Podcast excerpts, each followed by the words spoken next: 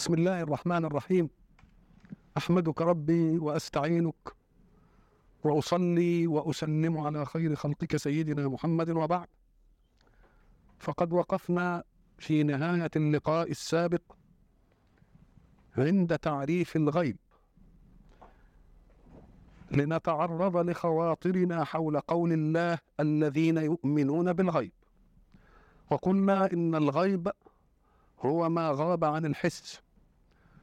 وقلنا إن الحس لا يقتصر على الحواس الخمس الظاهرة بل هناك حواس أخرى لم تكن معروفة وقد عرفت بعد. وهناك إحساسات لم نستطع إلى الآن أن ندرك أدواتها التي تحس بها. وقلنا أنه لا يعني عند كلمة الغيب أن نعرف أن الأمر الذي غاب عنك هو الغيب ولكن المراد الغيب المطلق الذي يغيب عنك وعن نظرائك.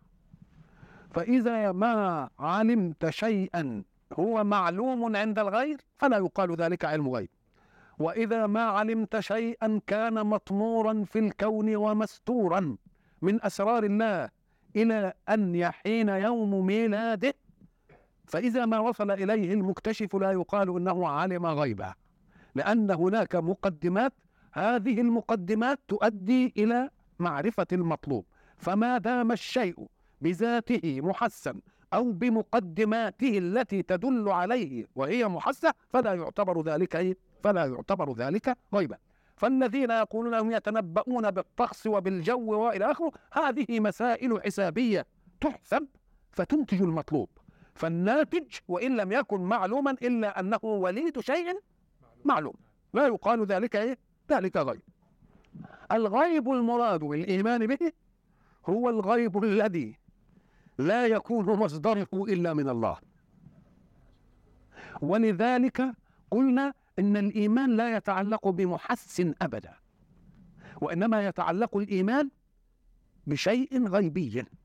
فلا يقال في أي شيء محسن أنا أؤمن به. أنا أؤمن بأن الشمس ساطعة. أنا أؤمن بأن القمر قد بزغ أنا أؤمن بأن الدنيا تمطر. أنا أؤمن بأنني جالس هنا في التلفزيون لأسجل.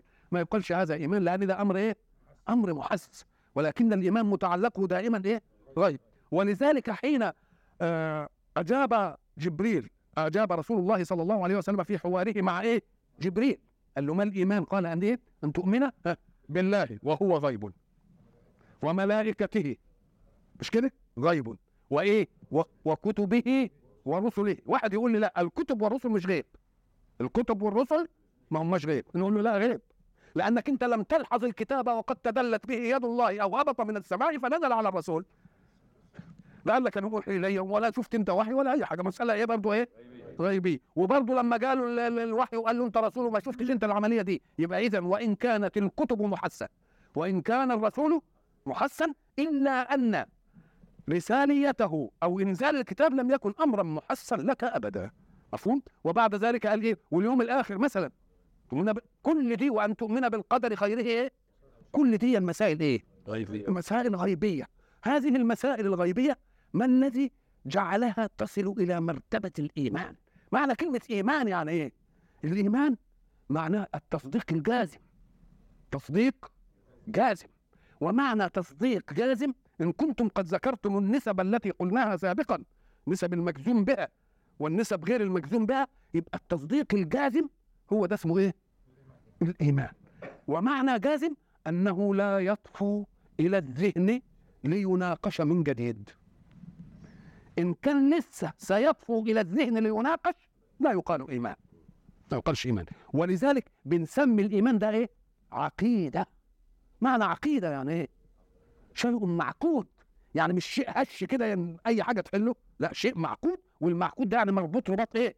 رباط موثق. يبقى مثلا الإيمان التصديق الجازم. التصديق الجازم بقضية الإيمان عامة. تصديق الجازم بقضية لا تطفو إلى الذهن لتناقش من جديد. الحياة التي نحياها كلها إن لم يكن هناك إيمان بقضاياها ما يكونش حد يعمل حاجة. إما إن لم يكن عندي إيمان بانني لما أروح كلية الطب هطلع طبيب؟ ما كنتش رحت. إن كلية الهندسة أطلع مهندس؟ ما كنتش رحت. إن ما كانش عندي إيمان إن لما أركب مثلا المترو يوديني الحته الفلانية؟ ما امشيش إن ما كانش عندي لما أركب مثلا من حافظ الحديد القطر الفلاني يوديني اسكندرية؟ ما ينفع. اذا كل القضايا عايزة إيمان. عايزة إيمان. هذه قضايا الكون الجزئية. يبقى ما دامت قضايا الكون الجزئية لا تنتظم حركتها إلا بإيمان يقيني. بمسائلها. فما بالك بالأمر الكلي العام؟ يبقى الأمر الكلي العام يبقى لازم فيه إيمان. لازم يوجد إيمان. إن ما كانش يوجد إيمان يبقى مش ممكن أي حاجة في الكون تستقر ولا تنتظم. يبقى الإيمان التصديق الجازم بالقلب. التصديق الجازم ده بوجود الشيء الذي يفسد على الناس إيمانهم أنهم يدخلون في الإيمان ما ليس من الإيمان. يدخل في الإيمان الوجود والكيفية. ويقول له لا. انت زودتها الإيمان فقط يريد الوجود فقط. أما الكيفية والصورة فلا ضرورة لها. الإيمان يكفيك أن تعلم أن وراء الكون قوة عليا قادرة حكيمة مدبرة خلقت هذا الكون. هذا هو الإيمان. كيفية وجود هذا القوة دي إيه؟ شكلها إيه؟ نقول له مش شغلتك بقى ما هي شغلة العقل إنما شغلة القوة نفسها لتنبئها عن نفسها تقول أنا اسمي كذا لأن دي أمر ما يدركش بالعقل. مطلوبي كذا؟ يبقى اذا الذي يفسد على الناس مسألة إيمانهم أنهم يريدون أن يدخلوا الإيمان والى شيء آخر مش من مطلوب الإيمان. ولذلك حين يعرض الحق هذه القضية يعرضها في ابي الأنبياء إبراهيم عليه السلام. حينما قال لربه أرني كيف تحيي الموتى؟ شوف كلمة كيف. كلمة كيف أدخل في الإيمان ما ليس منه. فقال الله له ليصحح له ولنا. أولم تؤمن؟ قال له إيه؟ بلى يعني إيه؟ يعني آمنت. آمنت بإيه بقى إذا ما دام بتسأل. يبقى آمن بأنه يحيي. وهذا هو القدر المطلوب. الأمر الزائد عن المطلوب أنه سأل كيف. ودي ملهاش علاقة بالإيمان بقى. ملهاش علاقة بالإيمان. ولذلك السطحيين الذين يريدون أن ينفذوا إلى نقد القرآن يجي يقول لك يا أخي القرآن يقول أولم تؤمن؟ قال بلى. ومعنى هذه الدلالة في اللغة بلى يعني آمنت. والإيمان هو اطمئنان القلب إلى قضية ما. فكيف يقول ولكن ليطمئن قلبي؟ فكأنه طلب لأن الاطمئنان غير موجود. وبطلبه يريد أن يوجد الاطمئنان. والإيمان اللي هو قال عليه بلى آمنت هو الاطمئنان. يبقى في تناقض. يبقى هو ما آمنش ولا حاجة. ما دام ليطمئن قلبه ما دام اطمئنان القلب هو المطلوب لإبراهيم فكأن الإيمان غير موجود. لأن الإيمان هو إيه؟ اطمئنان القلب. وهو قال بلى يعني آمنت. وبعدين قال ليطمئن. يبقى في تناقض ولا مش في تناقض؟ في ظاهر الأمر إن في تناقض. نقول له أنت لم تفطن إلى السؤال. قال هل قال أتحيي الموت أو لا تحيي؟ قال له كيف؟ فالسؤال عن الكيفية. إذا فالاطمئنان لا على أصل القضية وجودا من أن الله يحيي الموتى ولكن بده يطمئن على الكيفية دي شكلها إيه؟ آه يبقى إذا الكلام ما فيش فيه تناقض. لأن آمنت يعني بأنك تحيي الموت حين تقول الإنسان كيف بنيت هذا البيت؟ عندك شك في بناء البيت؟ يبقى إذا لما أقول له كيف تحيي الموتى يبقى أنا أؤمن أنك تحيي. بس إزاي الحكاية دي. بس يبقى السؤال عن الإيه؟ اذا أدخل مسألة ما هيش في إيه؟ مش في الإيمان. فربنا قال دي مش في الإيمان. الإيمان هو إيه؟ إنك تؤمن انني احيي بس. أدي القدر. إنما كيف؟ دي بقى نعمل لك العملية قدامك بقى. كيف دي يبقى لازم نعمل لك العملية قدامك؟ ومش العظمة بقى. وهنا الترقي والتصعيد لعظمة الألوهية يتجلى في إنه أعطى الجواب بشكل يصعد قضية الإيمان. مش يخلي بس قضية الايمان كده لا. ده ده, ده خد المسألة دي وادانا جواب يصعد إيه؟ يصعد قضية الايمان إزاي؟ قال لك لأن الإنسان المخلوق يستطيع أن يعدي أثر قدرته إلى الضعيف. أنا لا أستطيع أن أحمل شيئا. حجر قدامي مش قادر أحمله. طب أنا عاجز عن حمله.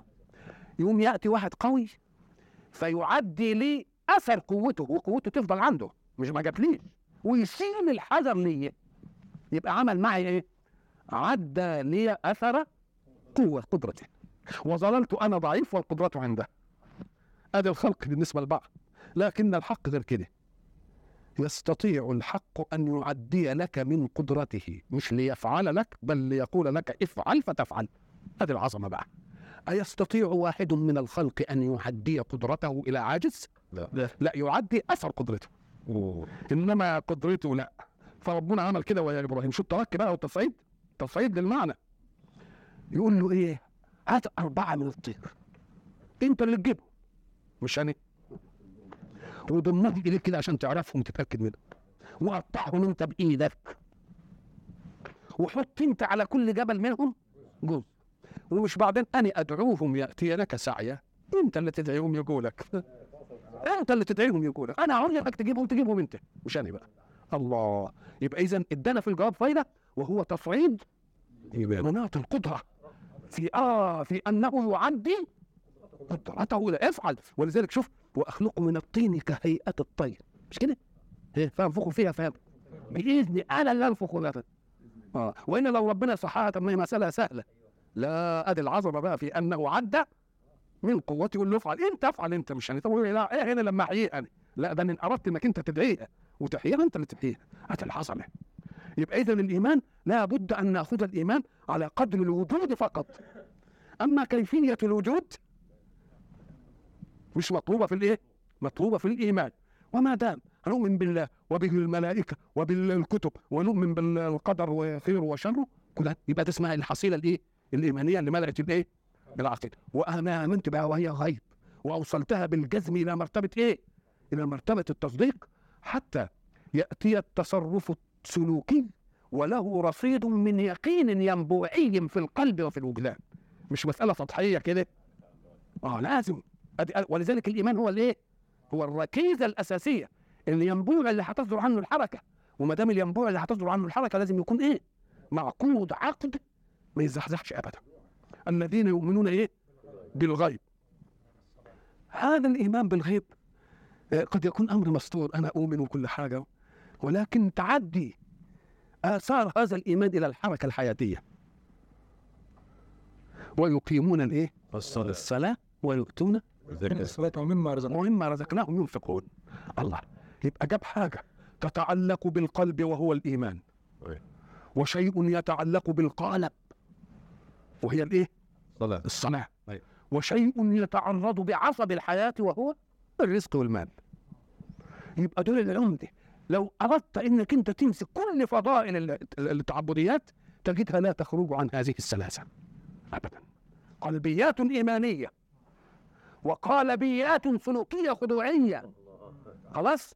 وأريحيات بذلية في الحياة يفيض بها القادر على العاجز ليطمئن العاجز إلى أنه موكول إلى أخوة إيمانية تجعله يستقبل الحياة استقبالا لا يخور أمامه أبدا الله وتطمئن كل إنسان على أنه إن فقد القدرة على الإيجاد وعلى الفعل فله إخوة قادرون يستطيعون أن يحملوا عجزه على قدراتهم لأنهم يؤملون أن يحمل عجزهم إن حصل على قدرات الآخرين إذا فالعملية الثلاثية الذين يؤمنون إيه؟ بالغيب إيه؟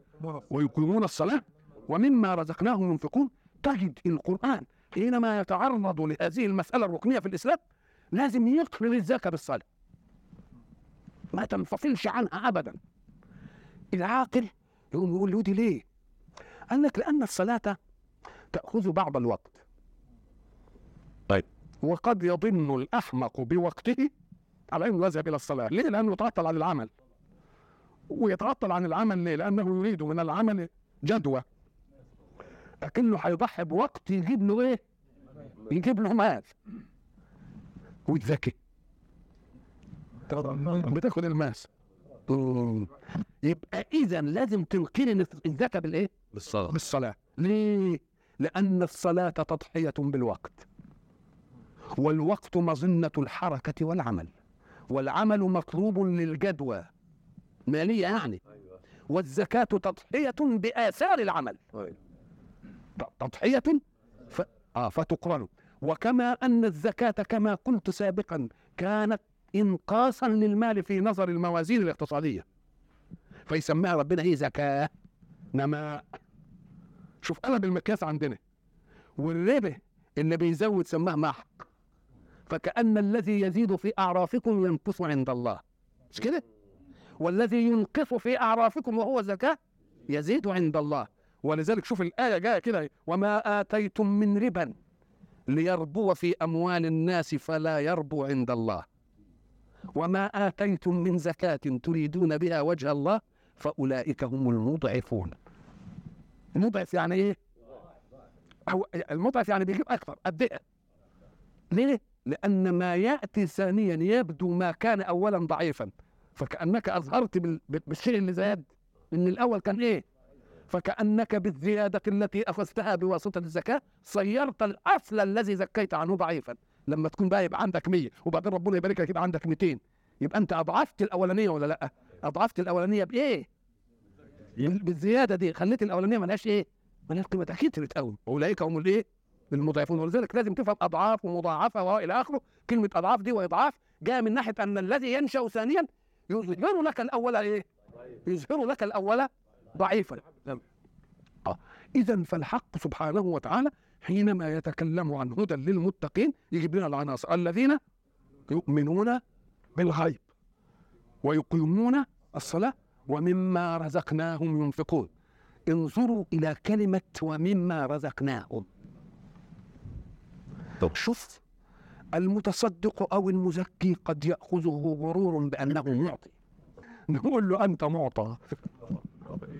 أنت معطى. وما دام أنت معطى ولم تستنكف أن يعطيك ربك ما تستنكفش بقى إنك أنت للغير. آه لأنك أنت مما رزقناهم. يعني مش بتاعتك. يعني مش بتاعتك. عشان يمنع إيه؟ يمنع تعالي النفس وغرورها عند العطاء. لما يمنع تعالي النفس وغرورها عند العطاء بيرد هو إلى انه ايد سفلى هو واخد. وما دام أنت واخد يا أخي يبقى ما تستعليش على من تعطيه. آه ولذلك كان الحق سبحانه وتعالى حين يريد من ولي الأمر ولاية إيمانية بمعناها الحقيقي المراد لله ان هو اللي يأخذ الزكاة. وهو اللي يعطيها للفقراء. ليه؟ حتى يحمي المعطي من غرور الإعطاء. وحتى يرفع عن الآخذ ذلة الأخذ من المساوي لأن لما أخذ من إيد رئيسي وملكي وحاكمني. مش زي واخد إيد واحد تاني. لأنه هو بولايته للأمر مكلف به. فلما أنا آخذ منهم ولذلك كانوا يقولوا زمان كده الملوك لا يستحى من مسألتهم. يعني الناس ما تستحيش تقول الدين أنا عايز. لأن هو المفروض شيء إنه لازم يبقى كده. إنما مثلا لما يجي مثلا ال ال الإنسان يجي في الحارة ويتصدق على المساوي آه، من جايز من أولادي وأولاد الآخذ وأولاد الآخذ يشوفوا إن هم بياخدوا مني وأولادي يشوفون أنا اللي بديهم. تعمل عملية كركبة اجتماعية. كركبة اجتماعية دي لما يكون ولي الأمر الإيماني هو اللي واخد وبيدي يبقى ما فيش فيه لا استعلاء ولا كبرياء من المعطي ولا ذلة ولا استخزاء من الآخذ. اذا فإيمانية ولي الأمر بترفع الحرج. عن الناس في أمور كثيرة اللي ما يقدرش على إنه يمشي حكمه في بيته يمشيه ولي الأمر هم ولا لا يبقى اذا ولي الأمر حين يكون له ولاية إيمانية بيحمي الناس من إيه؟ من ضعفها حتى، أنا ما أقدرش أمر مثلا أهلي، ما أقدرش أمر بنتي، ما... إنما يقول ولي الأمر بس أبقى أنا أحمي نفسي في إيه؟ في ولي الأمر. يبقى ولي الأمر لما ما يكونش ولايته إيمانية يبقى بيتعب الإيه؟ بيتعب الناس وبيفضح الرجالة. وبيفضح. فولي الأمر لما يكون ولايته ايمانيه هيستر كل الرجاله. وكل. يعني مثلا لما يجي الراجل كده يشوف امرأته ماشية متهتكة في الشارع ولابسة لي عاملة لي زي مش عارف إيه ولا شايف أمه برضه ما آه، لابسة لبس ما يناسبش إنها آه، آه، إنها أم مسألة سخيفة قوي إنما حين يكون ولي الأمر بقى هو اللي عامل يبقى أنا ماليش إيه ماليش كلام بدل ما تشخط فيا وتقدمني بدل ما يمنعوا عني المفروض بدل ما يضطهدوني يبقى المسألة محمية إيه محمية في ولي الأمر فلو علم ولي الأمر كم ينقذ من رجولات الناس كان يتقرب إلى الله بأنه يحمل عن هؤلاء جميعا أن ينفذ حكم الله على الناس إيه؟ جميعا وبذلك إيه؟ الضعيف يتوارى في إيه؟ في ولي الأمر. الذين يؤمنون بالغيب ويقيمون الصلاة ومما رزقناهم ينفقون.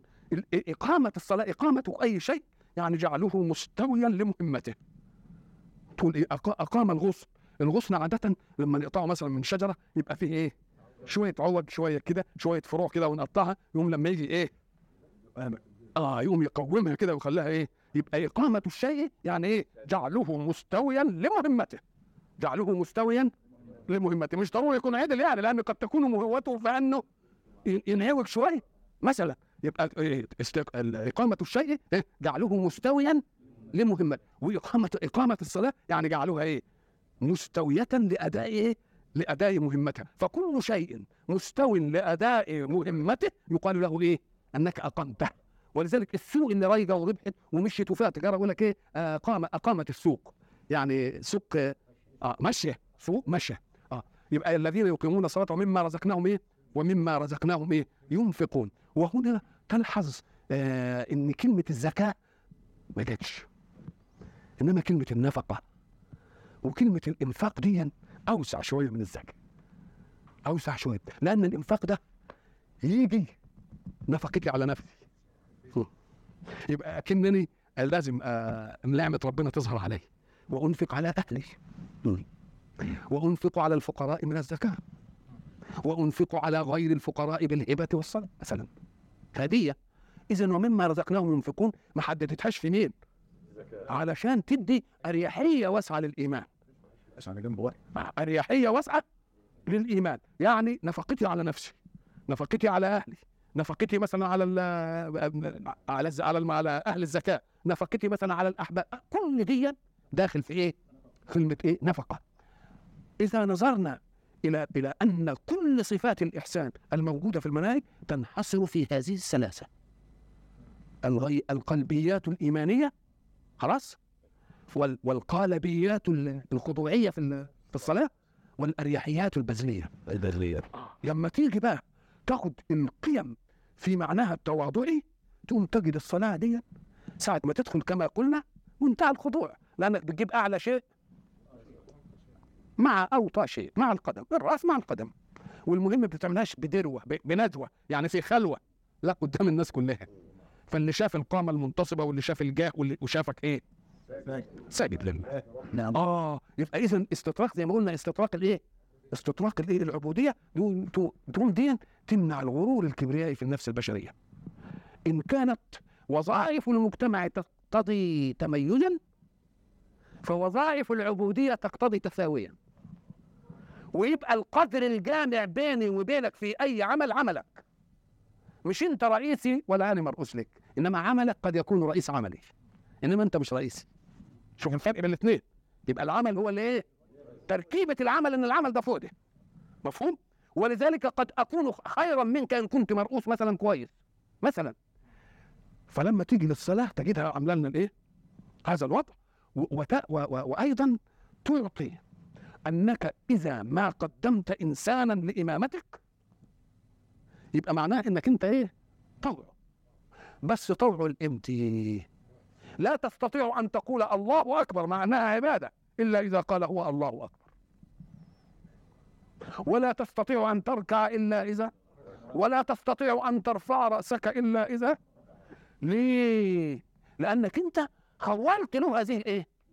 هذه المهمة لكن طالما هو ماشي على المنهج اللي حاكمني وحاكمه ماليش كلام وياه. لكن إذا شاذ شوية بقى إيه، وتروح سبحان الله وتروح معدله آه يبقى علمنا أن الولاية في كل شيء بحسبها. ما نبهواش رقعة الولاية. خد الولاية على قد إيه هي في إيه في كذا. ما ما تعديهاش لكذا. الولاية لو تعدت لكذا هقول لك لا. هقول لك لأنه لا طاعة لمخلوق في معصية الإيه؟ ولو أن كل ولاية ظلت محجوزة في مكانها الطبيعي لما أنف واحد من ولاية أحد عليه. ابدا. ليه؟ لأنه هيبقى في خدمتش هيبقى. لكن اللي بيخلي الناس ليه بيخلي الناس مثلا تتسامى إلى أنه يبقى هو الحاكم ويعمل انقلاب زي ما بنشوف في الدول كده؟ ليه؟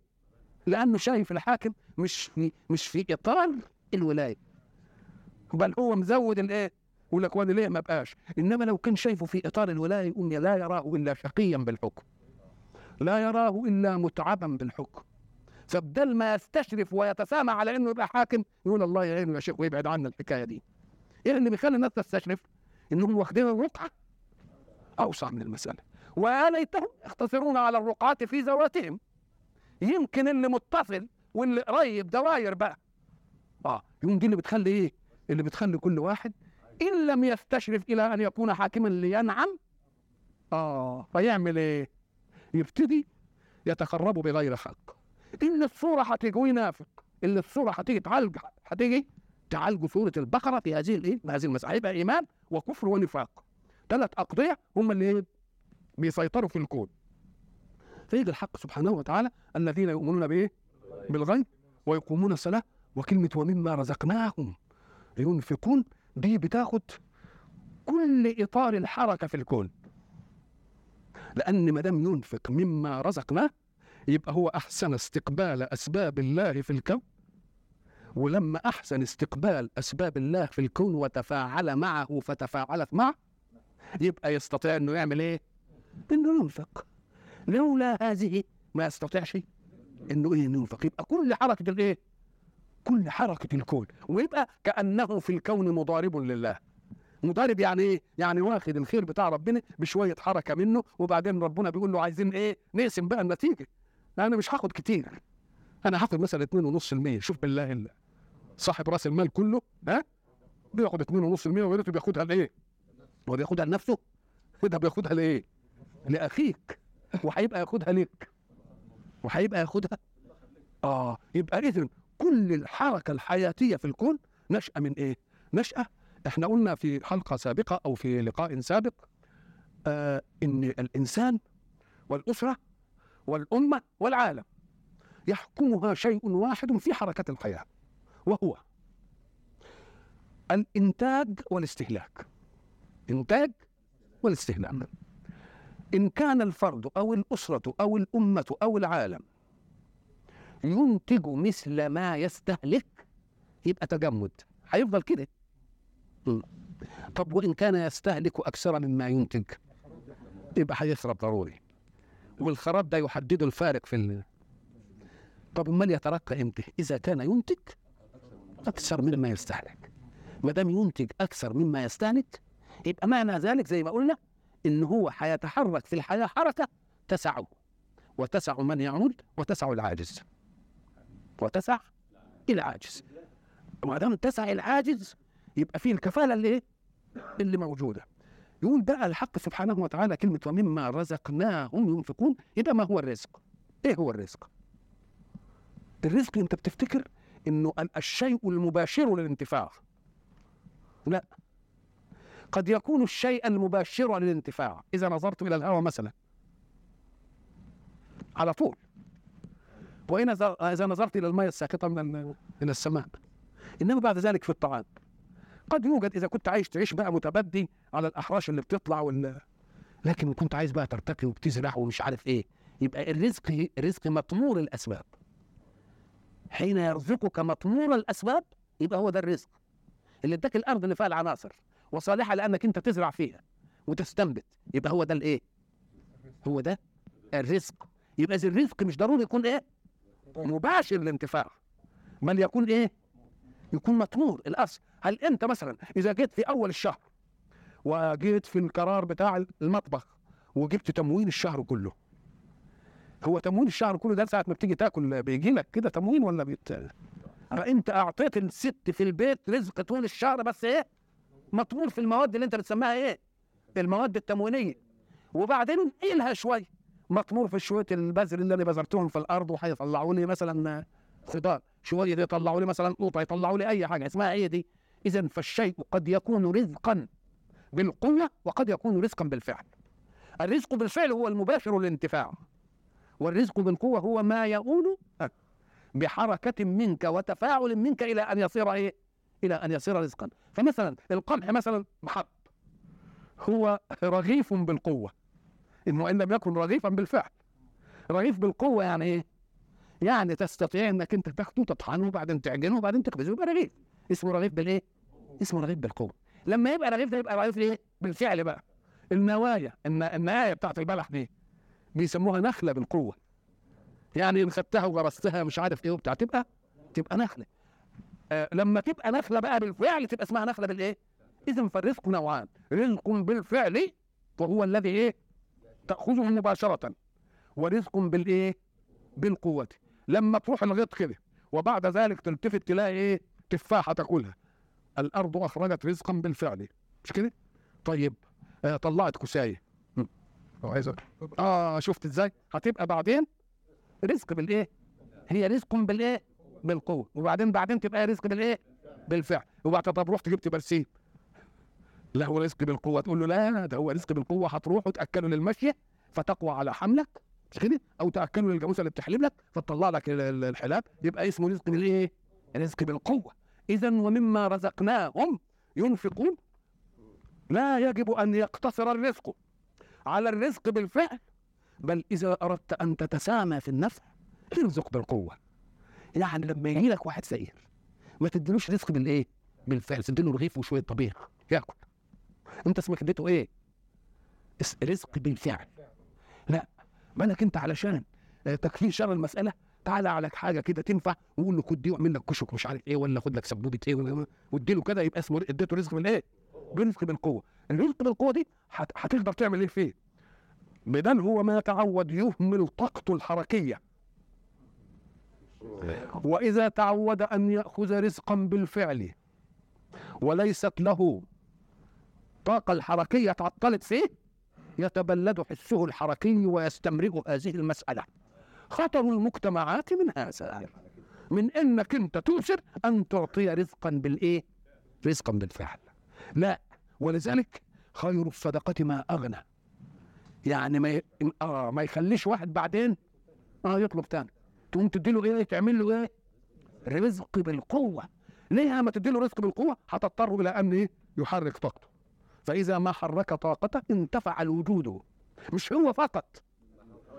كله. لأن لأن ال ال ال ال ال الوجود منتفع بالحركة أراد المتحرك أم لم يرد. يعني حركة الناس تنفع الوجود. أراد المتحرك أو لم يرد. إحنا ضربنا مثل وقلنا مثلا الرجل اللي عنده كذا ألف جنيه وبعد ذلك يلقي الله في باله خاطرا. يقول لماذا لا أستغل هذا المال المكنوز عندي في أن أبني مثلا عمارة؟ تدر علي كذا في الشهر ويضخم الله له إيه؟ الجدوى. فيصبح بقى يجيب المقاول والمهندس ويجيب الفاعلة مش عارف إيه، لا لا لا لا لا. هذا الخاطر اللي جه له في حركته وإن لم يقصد أن ينفع الناس فقد انتفعوا.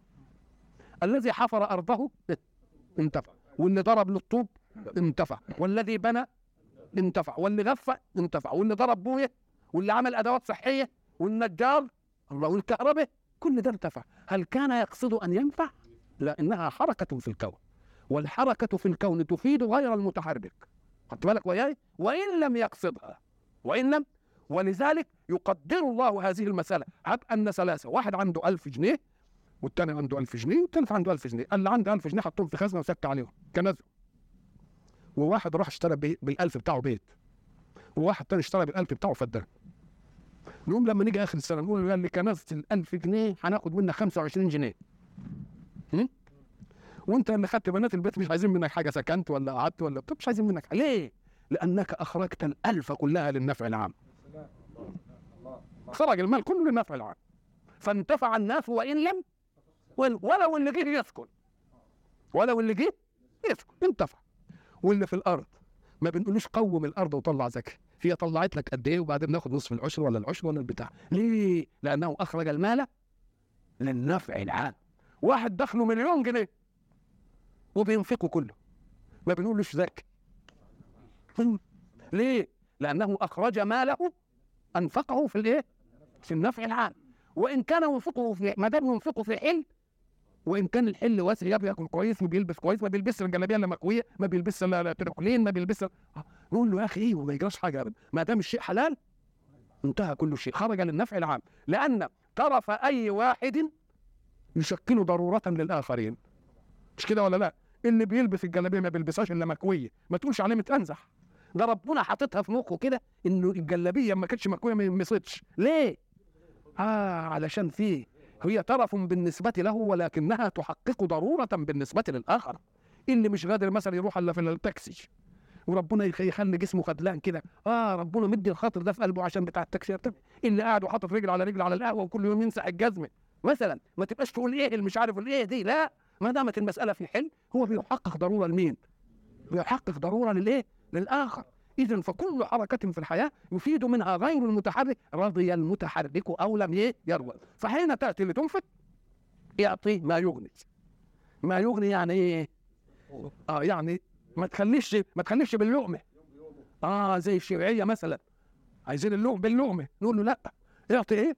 ما يغني ليه؟ لأنك أنت ستستغل حركته حركته دي هتنفع مين؟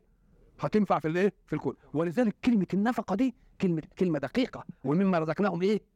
ينفقون ال- ال- ال- ال- ال- اللي هو يقال سوق نافقه سوق إيه؟ نافقة هي الن- النفق دي موت. موت الحمار الحمار لما يموت يقولوا إيه نفقه الايه؟ وإزاي يقولوا نفقة السوق؟ لأن السوق الأصل فيها أنها مشحونة بمواد معرضة للبيع نفقة السوق يعني ما عادش حاجة إيه؟ شوف إزاي بقى؟ يبقى نفقة السوق يعني إيه؟ يبقى كل ما تعمل عملية زي دي يبقى اسمها إيه؟ اسمها إيه؟ نفقة، يعني طلعت المسائل إلى إيه؟ إلى مراداتها الإيه؟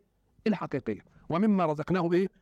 ينفقون، أولئك الذين يؤمنون بما أنزل إليك والذين يؤمنون بما أنزل إليك وما. يبقى الإيمان هنا مرتين.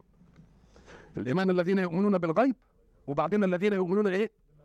آه لأن الدعوة المحمدية إنما جاءت لتواجه معسكرين عنيدين. معسكر لا يعترف بمبدأ الألوهية ومعسكر يعترف بمبدأ الألوهية بس في إطار تعبدهم وديانتهم، أهل الكتاب يعني. يبقى اذا ال... ال... ال... ال... ال... ال... الإيمان هيبقى إيه؟ إيمان الجماعة المكيين اللي هم ما كانوش يؤمنوا بارتباط ال... الأرض بال... بالسماء وبعدين الجماعة اللي هيعالجهم هم اليهود اللي هم فاهمين ان هم أقدم في ارتباط إيه؟ في ارتباطهم بمنهج الايه؟ بمنهج الله ويدلون على غيرهم بأنهم قوم لهم علم بالكتاب ولهم سبق دراية بما أنزل من السماء ولهم شرف اتباع رسالة لم- لموسى أو لايه؟ أو لعيسى. يبقى كأننا عايزين لونين من الإيمان. ن- لون يؤصل اولا الايمان باتصال الأرض بالسماء ولون تاني يؤمن بالدين الجديد ده على أنه ناسخ. يؤمنون بما أنزل إليك وما أنزل من قبلك. وكلمة وبالآخرة هم يوقنون جاية في المحث لأنك حين تقرأ التوراة كلها. لا تجد شيئا يتعلق باليوم الآخر. فكأن مشكلة اليوم الآخر دي بالنسبة لليهود مشكلة ضخمة لأنها لا تخطر لهم على إيه؟ على بال. وإلى لقاء آخر إن شاء الله.